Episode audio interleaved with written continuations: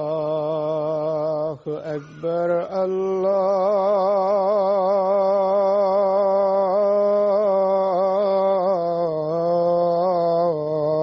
الله أكبر الله أكبر الله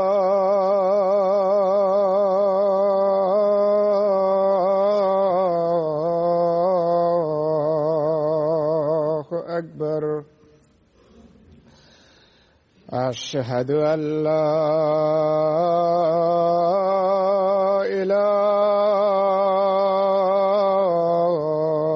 إله إلا الله. أشهد أن لا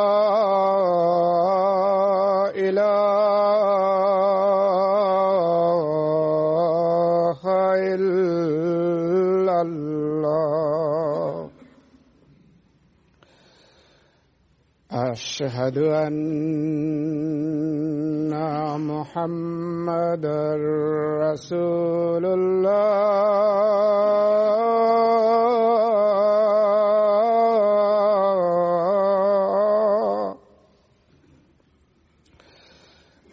أشهد أن محمدا رسول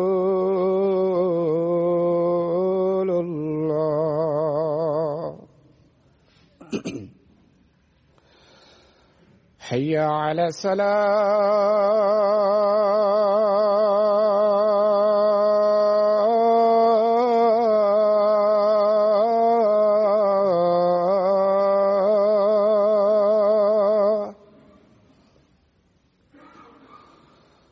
حي على الصلاة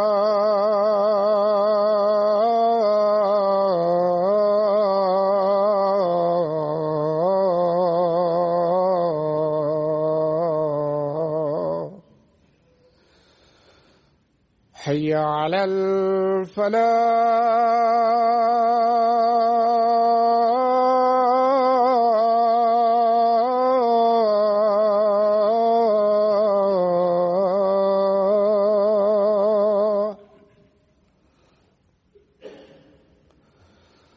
حي على الفلاح.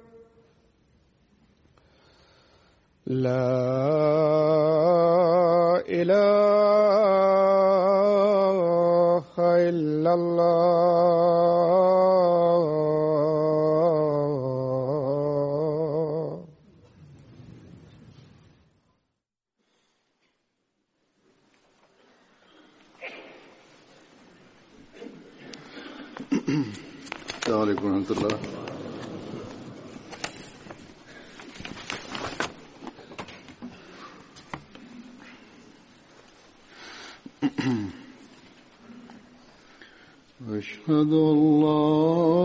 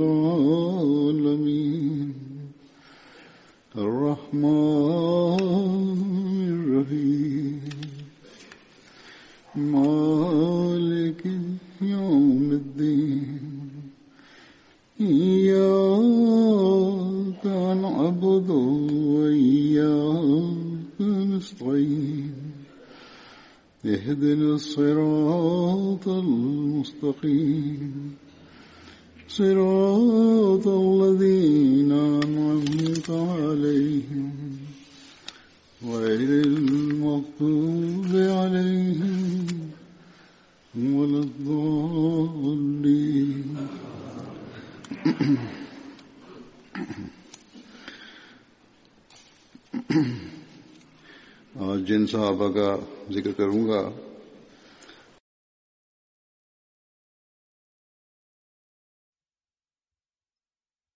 الصحابة الذين سأذكرهم اليوم أولهم ثابت بن خالد الأنصاري.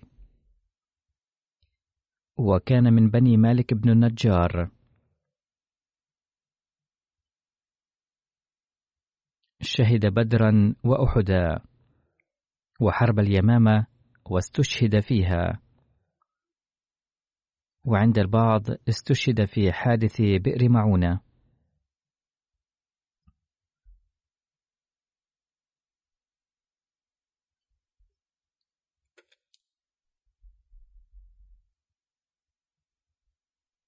الصحابي التالي حضرة عبد الله بن عرفطة.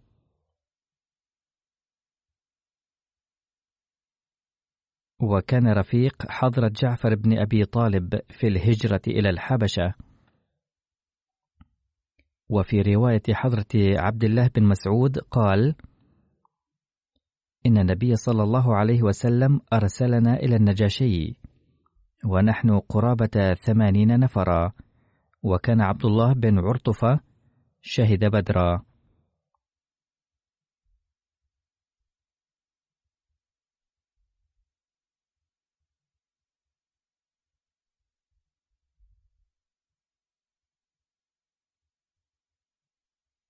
والصحابي التالي هو حضرة عتبة بن عبد الله وكان اسم والدته بسرة بنت زيد وكان قد شهد بيعة العقبة وبدرا وأحدا.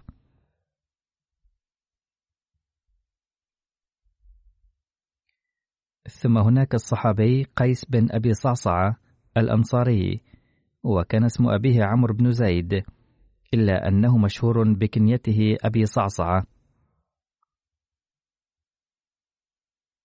كان اسم والدة حضرة قيس شيبة بنت عاصم. وكان مشتركا في بيعة العقبة حيث بايع سبعون من الأنصار. وتشرف بالاشتراك في بدر أيضا.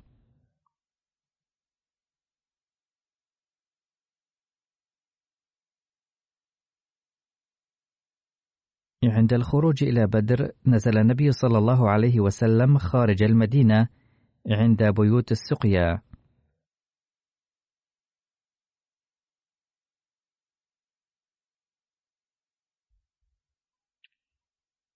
وأعاد النبي صلى الله عليه وسلم الأولاد الصغار الذين قد جاءوا رغبة في رفقة النبي صلى الله عليه وسلم ثم أمر الصحابة بجلب الماء من بئر السقيا. فشرب منه ثم صلى ببيوت السقيا.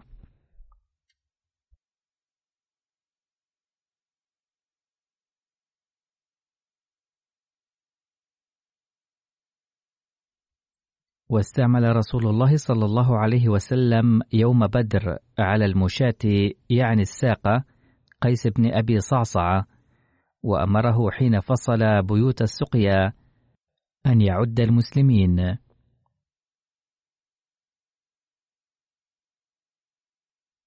فوقف بهم عند بئر أبي عنبة وهي على مسافة كيلومترين ونصف تقريبا من المسجد النبوي. فعدهم. ثم أخبر رسول الله صلى الله عليه وسلم بأنهم ثلاثمائة وثلاثة عشر. ففرح بذلك وقال عدة أصحاب طالوت.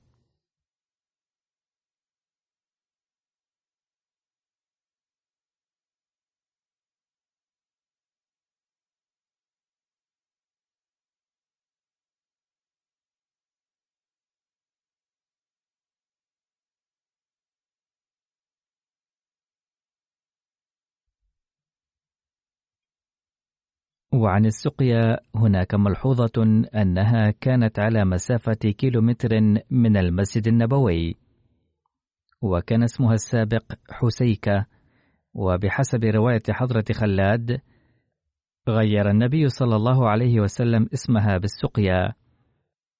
قال فكانت في نفسي أن أشتريها حتى اشتراها سعد بن أبي وقاص ببكرين.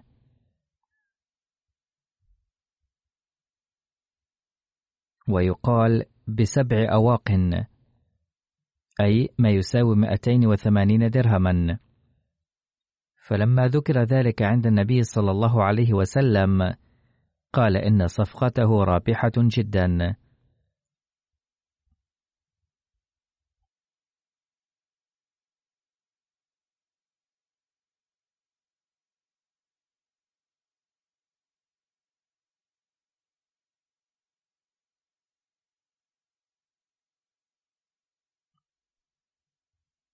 وجعل رسول الله صلى الله عليه وسلم قيسا على الساقة يوم بدر. والساقة هي الكتيبة التي تمشي خلف الجيش قصد الحراسة. ذات يوم قال لرسول الله صلى الله عليه وسلم في كم أقرأ القرآن؟ قال في خمس عشرة ليلة. قال أجدني أقوى من ذلك؟ قال ففي كل جمعة. قال أجدني أقوى من ذلك؟ قال فمكث كذلك يقرأه زمنا حتى كبر وكان يعصب عينيه ثم رجع فكان يقرأه في كل خمس عشرة ليلة. ثم قال يا ليتني قبلت رخصة النبي صلى الله عليه وسلم.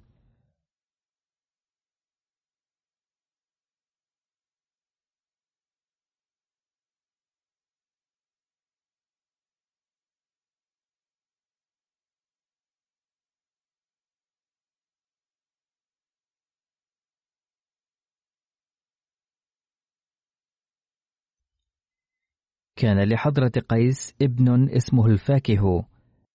وبنت اسمها أم الحارث وأمهما أمامة بنت معاذ وبعدهما لم يكن له عقب. كان لحضرة قيس ثلاثة إخوة وكانوا من صحابة النبي صلى الله عليه وسلم إلا أنهم لم يشهدوا بدرا. أحدهم حضرة الحارث وقد استشهد في حرب اليمامة والآخران هما حضرة أبي كلاب وحضرة جابر بن أبي صعصعة وكلاهما استشهد في غزوة مؤتة. وهناك صحابي آخر اسمه حضرة عبيدة بن الحارث. وكان من بني المطلب وكان من أقارب النبي صلى الله عليه وسلم وكان يكنى بأبي الحارث. وعند البعض بأبي معاوية. وكان اسم والدته سخيلة بنت خزاعي. وكان أسن من رسول الله صلى الله عليه وسلم بعشر سنين. وكان إسلامه قبل دخول رسول الله صلى الله عليه وسلم دار الأرقم.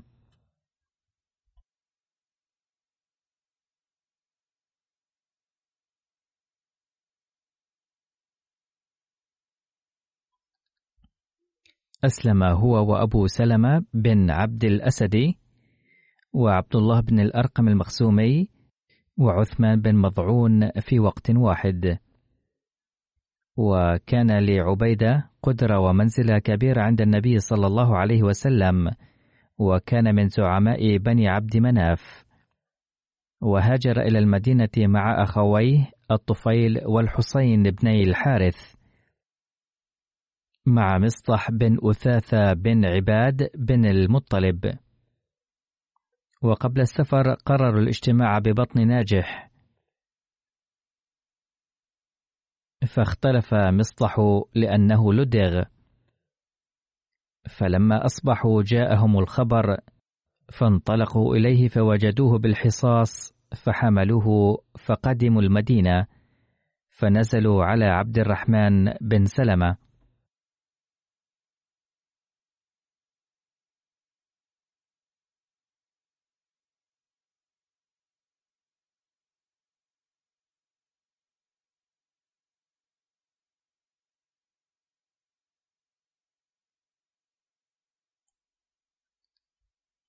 آخى النبي صلى الله عليه وسلم بين حضرة عبيدة بن الحارث وحضرة عمير بن الهمام وكلاهما استشهد في بدر. وكان أخوه حضرة الطفيل بن الحارث والحسين بن الحارث أيضا شهدا معه بدرا. بعد الهجرة إلى المدينة اتخذ النبي صلى الله عليه وسلم بعض التدابير لحماية المسلمين وتفادي شر الكفار. وهو دليل بين على الكفاءة السياسية العالية للنبي صلى الله عليه وسلم ونظرته الثاقبة في الحرب.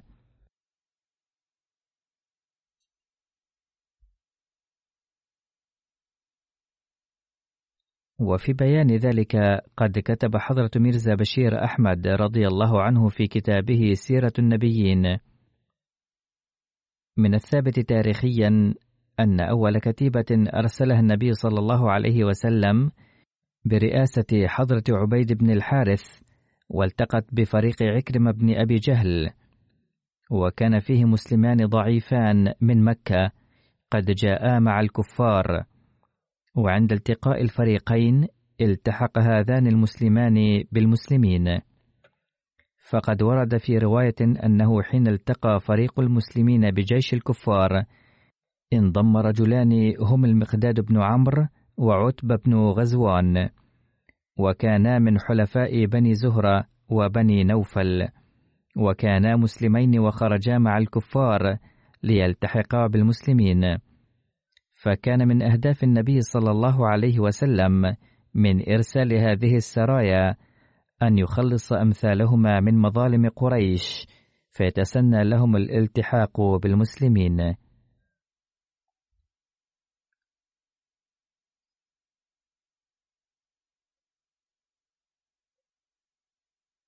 بعد ثمانية أشهر من الهجرة أرسل النبي صلى الله عليه وسلم ستين أو ثمانين راكبا مع حضرة عبيد بن الحارث فأعد النبي صلى الله عليه وسلم لحضرة عبيدة لواء أبيض.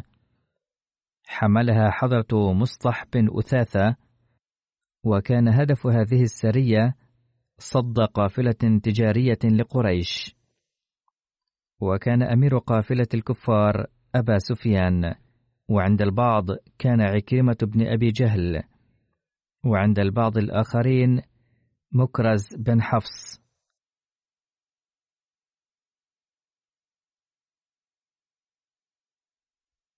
وكانت تلك القافلة تضم مئتي راكب ومعهم أموال التجارة.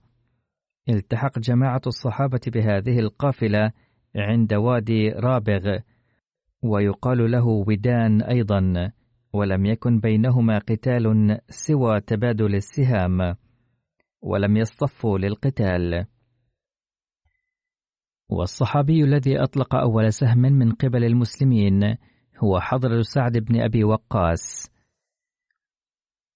في هذا الوقت خرج من جماعة المشركين حضرة المقداد بن الأسود وحضرة عيين بن غزوان.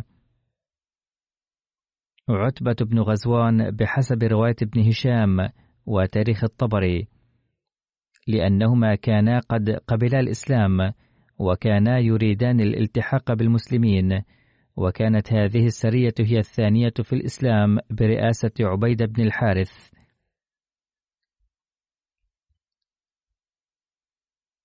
بعد تبادل السهام انصرف الفريقان لأن هيبة المسلمين وقعت على الكفار كثيرا وزعموا أن وراءهم جيش كبيرا يساعدهم فانهزموا مرتعبين ولم يلحقهم المسلمون فلم تندلع الحرب بين الفريقين. وإنما اكتفى الفريقان برمي السهام وحين انصرف الكفار لم يلحقهم المسلمون وعادوا إلى المدينة.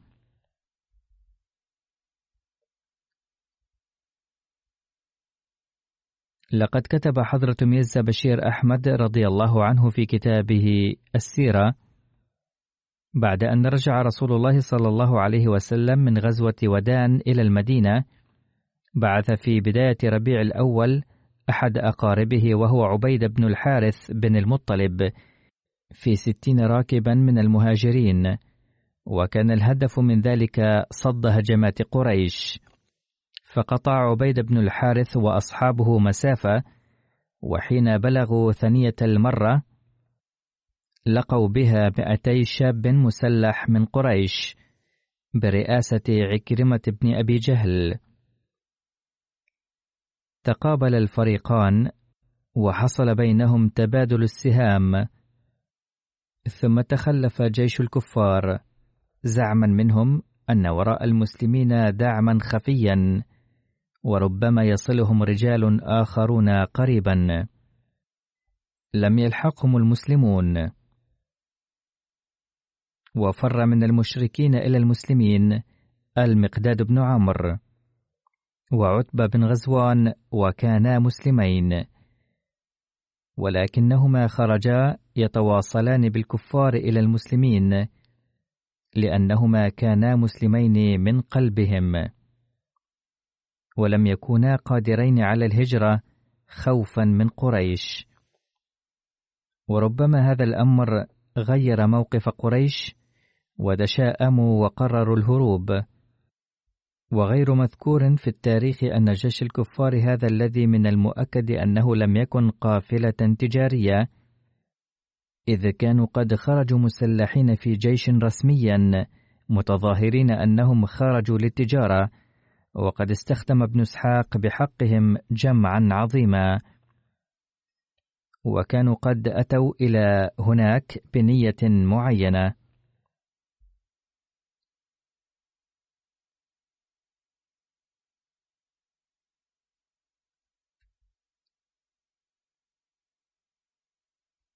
ومن المؤكد أن نيتهم لم تكن حسنة بل كانوا قد جاءوا لشن الهجوم.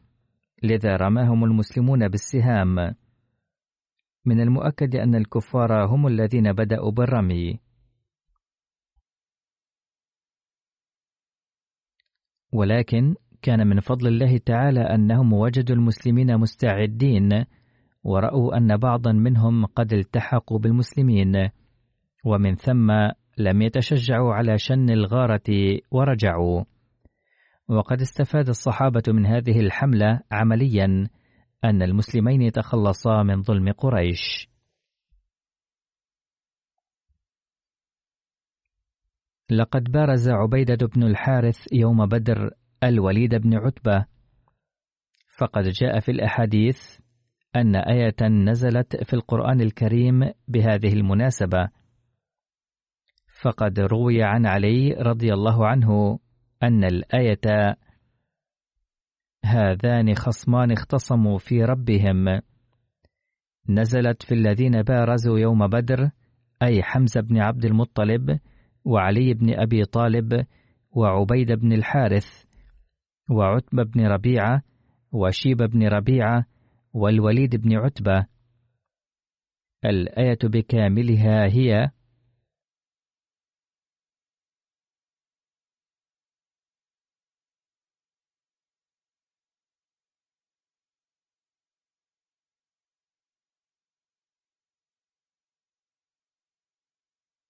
هذان خصمان اختصموا في ربهم فالذين كفروا قطعت لهم ثياب من نار يصب من فوق رؤوسهم الحميم.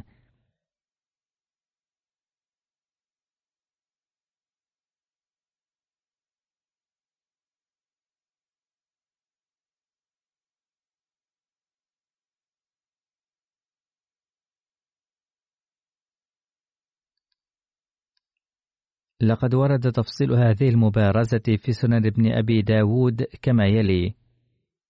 عن علي قال تقدم يعني عتبة بن ربيعة وتبعه ابنه وأخوه فنادى من يبارز. فانتدب له شباب من الأنصار فقال من أنتم؟ فأخبروه فقال لا حاجة لنا فيكم. إنما أردنا بني عمنا. فقال رسول الله صلى الله عليه وسلم قم يا حمزة قم يا علي قم يا عبيدة بن الحارث. فأقبل حمزة إلى عتبة وأقبلت إلى شيبة واختلف بين عبيدة والوليد ضربتان فأثخن كل واحد منهما صاحبه. ثم ملنا على الوليد فقتلناه واحتملنا عبيدة.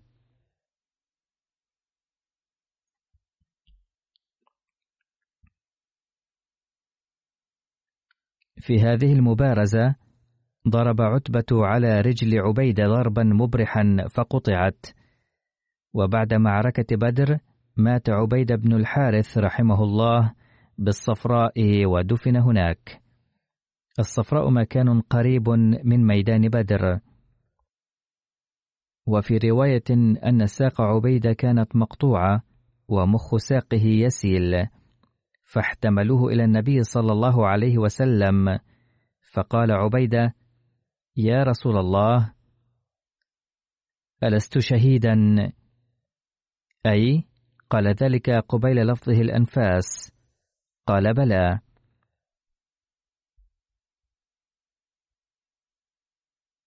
وفي رواية أخرى أن عبيدة جيء به إلى النبي صلى الله عليه وسلم فوضع رأسه على ركبته فقال يا رسول الله لو رآني أبو طالب لعلم أني أحق بقوله منه حيث يقول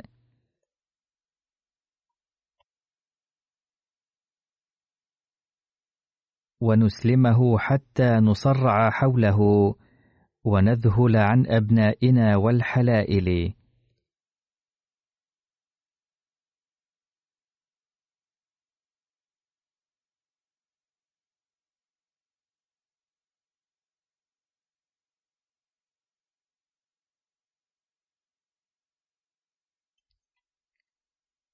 هذه كانت مشاعر هؤلاء.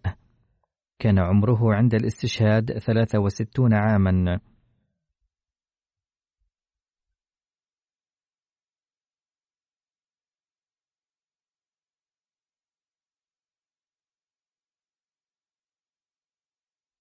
بعد ذكر بعض الصحابة أريد أن أذكر الآن داعية مخلصا من جماعة إندونيسيا. كان قد نذر حياته لخدمة الجماعة. اسمه السيد سيوطي عزيز أحمد. وقد توفي في التاسع عشر من نوفمبر 2018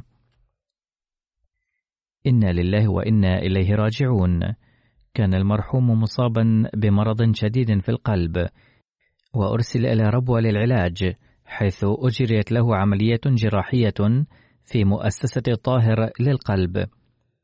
ولكن لم تتحسن صحته وتوفي بتاريخ التاسع عشر من نوفمبر. ترك المرحوم وراءه أرملة وابنين وابنتين وعشرة من الأحفاد والحفيدات. ستة منهم مسجلون في مشروع وقف نو. ولد السيد سيوطي عزيز أحمد في السابع عشر من شهر أغسطس 1944 في بوني بجنوب سولا ويسي في إندونيسيا. ودرس في الجامعة الأحمدية بربوة من سبتمبر 1966 إلى 1971 وفي إبريل 1972 عين داعية مركزيا في إندونيسيا. في 1985 منح شهادة الشاهد حين كان في ميدان التبليغ نظرا إلى نشاطاته وخدماته. في 2000 حظي بشرف حج بيت الله. خدم داعية من 1972 إلى 1979 في سومطرة الجنوبية ولامبونغ وجامبي وبينغكولو ثم عين معلما للدعاة والمبشرين من 1979 إلى 1981 وفي 81 عين داعية في جماعة بوربوكيتو. في العام التالي عين نائب المدير لصفوف الدعاة والمبشرين. ومن 82 إلى 92 عمل عميدا للجامعة الأحمدية في إندونيسيا. وفي هذه الأثناء منح شهادة الشاهد. في عام 1985 ثم خدم في منصب رئيس التبليغ إلى عشرين عاما وذلك من عام 1992 إلى 2016 كما وفق للخدمة عميدا للجامعة الأحمدية في إندونيسيا من 2016 إلى أن وافته المنية. في عام 1973 تزوج المرحوم من السيدة عفيفة بنت السيد عبد الواحد. داعية الجماعة وهي الأخت الكبرى للسيد عبد الباسط أمير الجماعة الحالي في أندونيسيا. وقد رزق منها بأربعة أولاد هم السيد وردية خالد والسيد حارث عبد الباري والسيد سعادة أحمد والسيدة عطية العليم. توفيت زوجته السيدة عفيفة في عام 2009 وبعد وفاتها تزوج المرحوم من السيدة أرينا دامانتي ولكن لم يرزق منها بأولاد. قال المرحوم ذات مرة في لقاء مع MTA عن نفوذ الأحمدية في عائلته. السبب الأهم وراء بيعتي وبيعة عائلتي هو أن جدي كان قد أوصى أن الإمام المهدي سيأتي في الزمن الأخير وعليكم أن تبايعوه جميعا عند مجيئه. هاجرت عائلتنا مرتين للعمل بهذه الوصية. ففي عام 1959 هاجرت عائلتي إلى لامبنغ. وفي عام 1963 جاء إلى لامبنغ داعية اسمه زيني دهلان لتبليغ الدعوة وأخبرنا في أثناء لقائنا معه أن الإمام المهدي قد جاء فسألته ما هو الدليل على مجيئه فأعطانا كتابا عنوانه مسيح آخر الزمان وطلب منا مطالعته. وحين قرأته أيقنت أن الإمام المهدي المنتظر قد جاء فعلا وهو ميرزا غلام أحمد القادياني عليه السلام.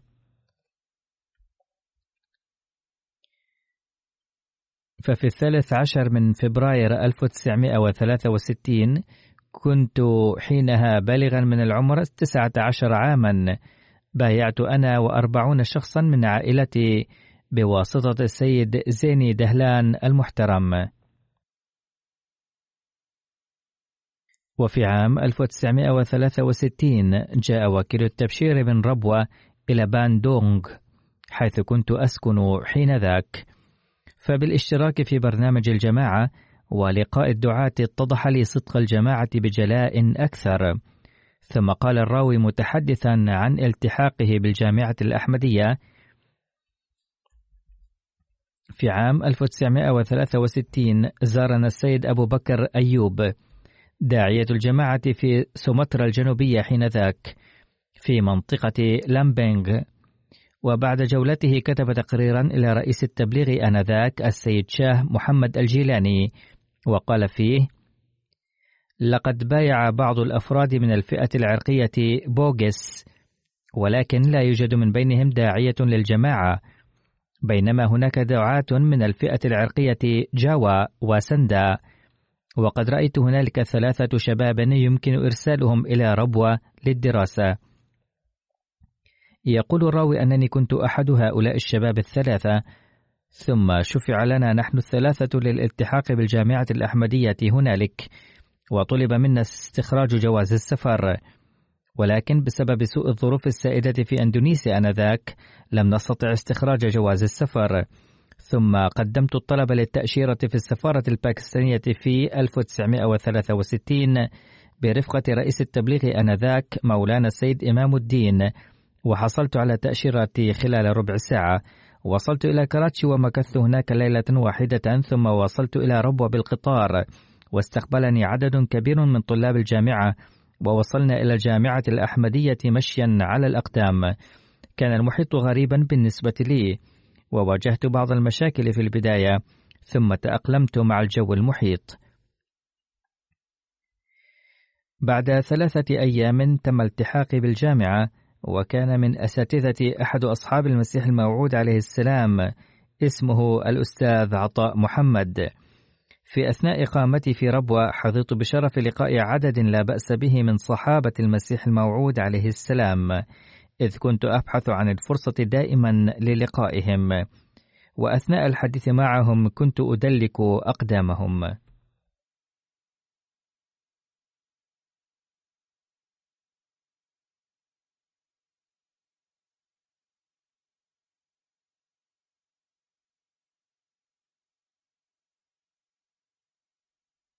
ثم قال الراوي في بيان لقاء جميل مع سيدنا الخليفة الثالث رحمه الله عندما انتخب حضرته خليفة لقيته أول مرة وعانقته.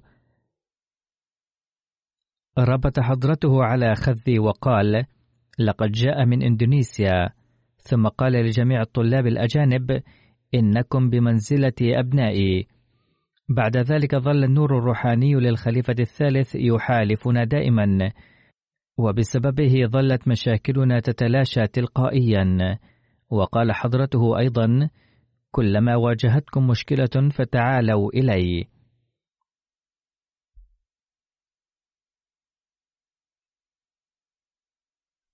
عندما كنت موشكا على العودة إلى إندونيسيا ذهبت للقاء حضرته فسألني هل تحتاج إلى شيء؟ قلت أريد كتبا وقد ذهبت إلى المكتب المعني ولكن لم أجدها. فكتب حضرته على ورقة بقلمه أعطوا السيد سيوتي كتبا. فأعطيت جميع مجلدات الخسائن الروحانية وهي لا تزال بحوزتي. وقبل المغادرة ضمني الخليفة الثالث رحمه الله إلى صدره لوقت طويل وقال في أذني حذاري أن تكون عديم الوفاء لله تعالى هذه نصيحتي لك.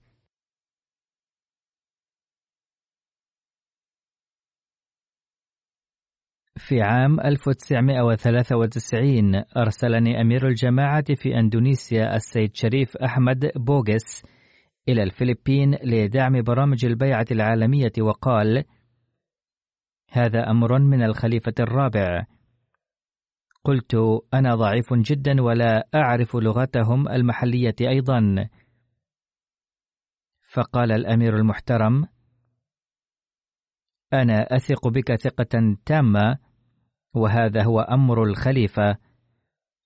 فانطلقت من مركز الجماعة وكان علي أن أمر في هذا السفر بمدينة مانيلا ومدينة زمبواكا أكلت هناك طعاما وأصبت بالهيضة الشديدة وازداد الضعف أكثر. وفي هذا الحال دعوت أن يا ربي لو مت هنا فلا يوجد هنا مسلم يصلي علي. فرأيت رؤيا في الليل أن ممرضة أتتني في زيها الرسمي ونفخت في ماسحة رأسي بيدها فشعرت أن جسدي قد برد وخرج البرد من قدمي. وفي الصباح حين استيقظت كنت قد تحسنت تماما فذهبت إلى تاوي حيث دخل الجماعة بفضل الله تعالى 130 شخصا في غضون ثلاثة أشهر.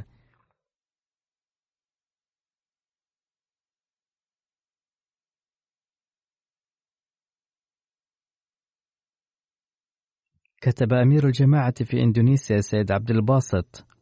عرفت السيد سيوطي عن قرب وبشكل جيد لكونه زوج أختي وداعية. كان رجلا بسيطا ونموذجا عظيما في التواضع ومثالا للصبر والجلد ملتزما بالدعاء ومتهجدا ومتوكلا على الله جدا. كان يكون للخلافة والخلفاء إخلاصا كبيرا وحبا شديدا. وكان يؤثر أعمال الجماعة على أعماله الشخصية دوما. وكان من الخدام الناجحين للجماعة وكل مسؤولية عهدت إليه أداها بكل إخلاص ووفاء وسواء كان داعية أم أستاذا في الجامعة أم عميدا أم رئيسا للدعاة كان نموذجا حسنا ومثالا لكل واقف للحياة. قال السيد معصوم نائب عميد الجامعة في أندونيسيا. إن السيد سيوطي كان يدرس السنة الخامسة والرابعة والثالثة ترجمة معاني القرآن الكريم والسنة الأخيرة علم الكلام وكان قد ترجم للتدريس كتاب العرفان الإلهي. من الأردية إلى الأندونيسية وحين ضعفت صحته وصعب عليه المشي والتجول كان يدعو الطلاب إلى مكتبه ليدرسوا منه. وقبل ذهابه إلى ربوة أعطى الدرس الأخير في الثامن من نوفمبر.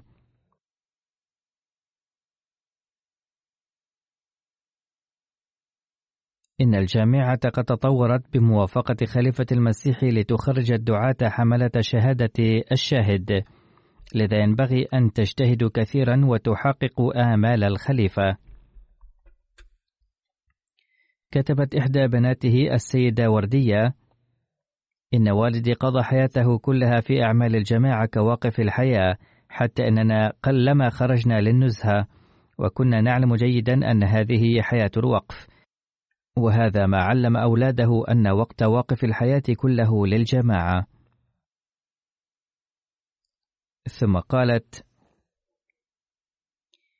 كان مبدأ الوالد في التربية أنه لم يكن ينصح كثيرا بل كان يري نموذجه العملي.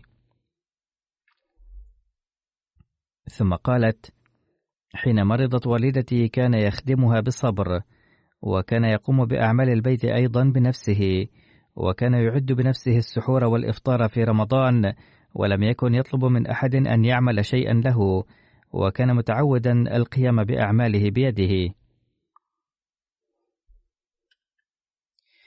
كتب ابنه السيد سعادة كان يربينا بغاية الصبر ولكن في موضوع الصلاة كان يركز كثيرا وكلما حان وقت الصلاة في صغارنا كان يوصينا أن نذهب إلى المسجد لنصلي بالجماعة.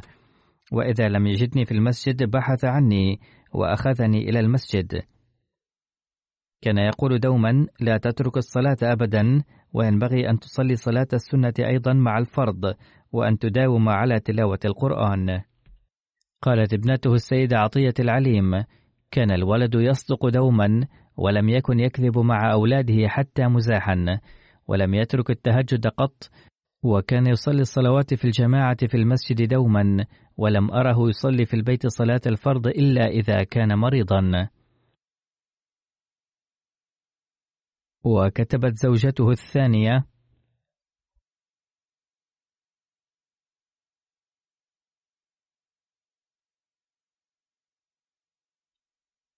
قال لأولاده قبل ذهابه إلى ربوة كفيلي وكفيل أهل بيتي هو الخلافة وحياتي ومماتي للجماعة.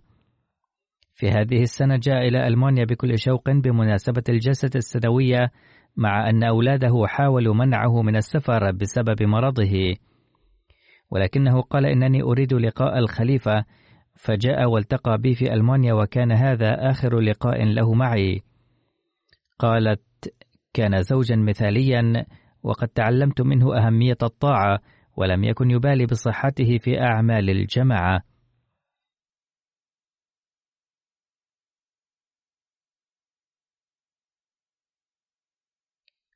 وقال السيد زكي وهو زوج ابنة المرحوم سيوطي عزيز في 2005 حين بلغه أن الناس سوف يهاجم مركز الجماعة أمرنا نحن الخدام أن نذهب لحماية المركز.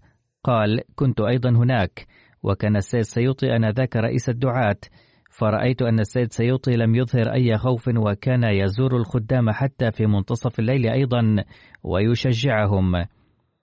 قال رأيت فيه حبا شديدا للخلافة وكان يقول دوما إنني واقف الحياة وكلما أقوم به أقوم به بأمر من الخليفة وبموافقته.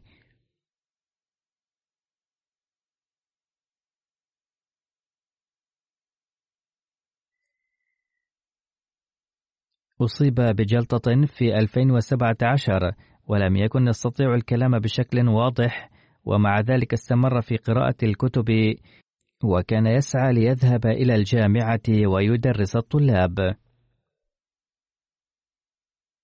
كتب السيد أحمد سكرتير التربية: كلما أعطاه أحد مشورة شكره بكل إخلاص دونما تصنع، وكلما وجد مشكلة في أمر ما استشار الآخرين بكل إخلاص. كتب الداعية أحمد نور: كان عيشه بسيطا دوما ومع ذلك كان وقورا جدا وكان نشيطا في أعمال الجماعة مع كبر سنه وكأنه شاب أذكر وصية له وهي أنه كان يقول دوما لا تعرضوا عن الله تعالى أبدا بل اسألوه لأنه لا يرد دعاء عبده أبدا يقول حين أجريت المقابلة معي لنيل شهادة الشاهد قال للمرحوم باكيا ومقشعرا لا تتركن الوقف والذي يترك الوقف يكون من الخاسرين جدا.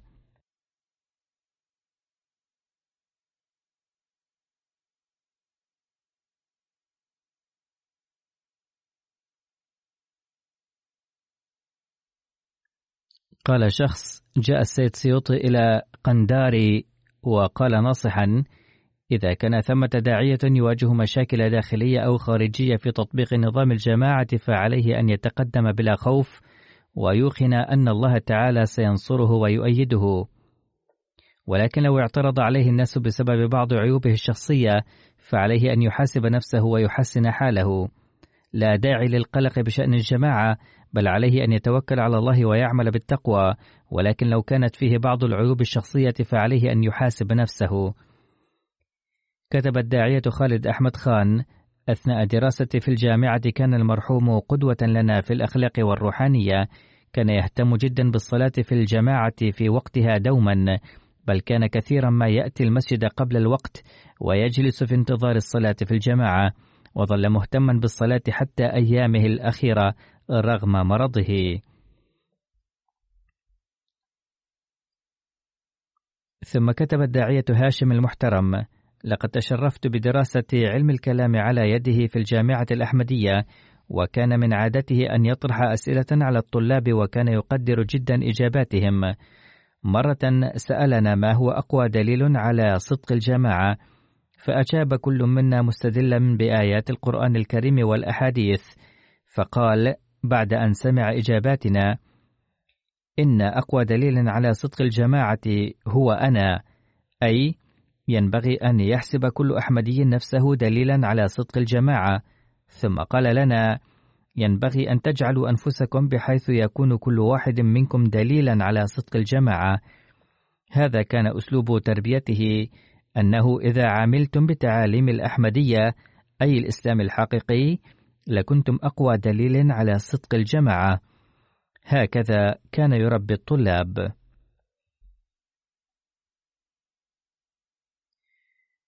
كان يستمع إلى خطبي بإمعان ثم كان يناقش الطلاب نكات الخطب ويتأكد ما إن كان الطلاب سجلوا نكات الخطب أم لا. وهل فهموا رسالة الخليفة أم لا؟ وكان يوصيهم دوما بطاعة الخلافة.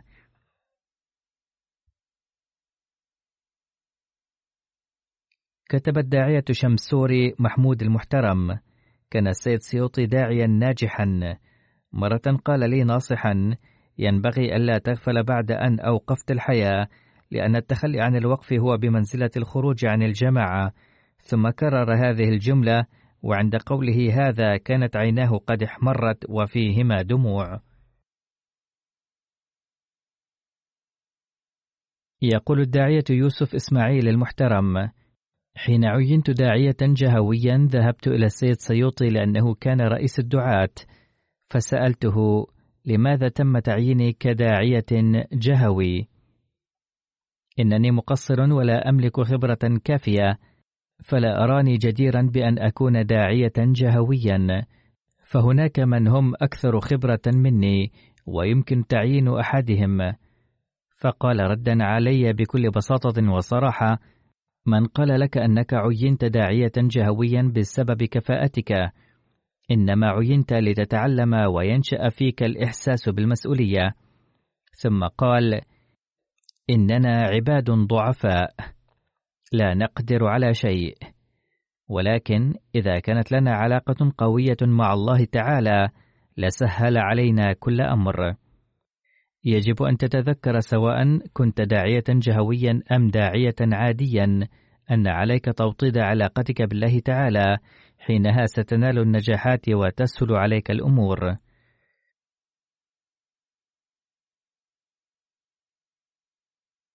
قال المدير العام ل MTA ستوديو في أندونيسيا السيد أخا نور ذات مرة كنت أواجه مشكلة عويصة فكتبت إلى السيد سيوطي للدعاء فلم يرد علي حينها ثم سأل أحدا عن رقم هاتفي وفي اليوم التالي تصادف أن التقيت به فكان أول سؤاله أنك كتبت إلي للدعاء ولكن هل كتبت إلى الخليفة للدعاء من أجل مشكلتك؟ وحين أخبرته أنني قد كتبت ففرح جدا وقال هذا هو الطريق المناسب يقول المدير كانت حينها الدموع في عينيه وكان حبه للخلافة باديا في لهجته. هكذا كلما جاء ذكر الخلافة في مناسبات مختلفة كان يصبح عاطفيا جدا.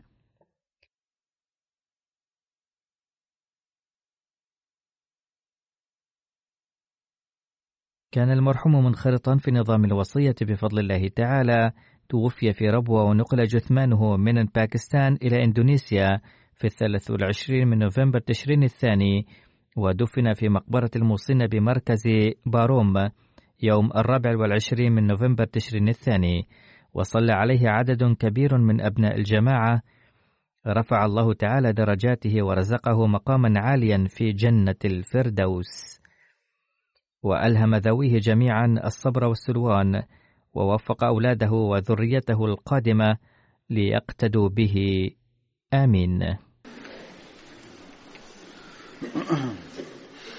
الحمد لله الحمد لله نحمده ونستعينه ونستغفره ونؤمن به ونتوكل عليه ونعوذ بالله من شرور أنفسنا ومن سيئات أعمالنا من يهده الله فلا مضل له ومن يضل فلا هادي له. ونشهد أن لا إله إلا الله ونشهد أن محمدا عبده ورسوله. عباد الله رحمكم الله. إن الله يأمر بالعدل واللسان وإيتاء ذي القربى وينهى عن الفحشاء والمنكر والبغي يعظكم لعلكم تذكرون اذكروا الله يذكركم وادعوه يستجب لكم ولذكر الله أكبر۔ نمازوں کے بعد میں جنازہ غائب بھی پڑھاؤں گا۔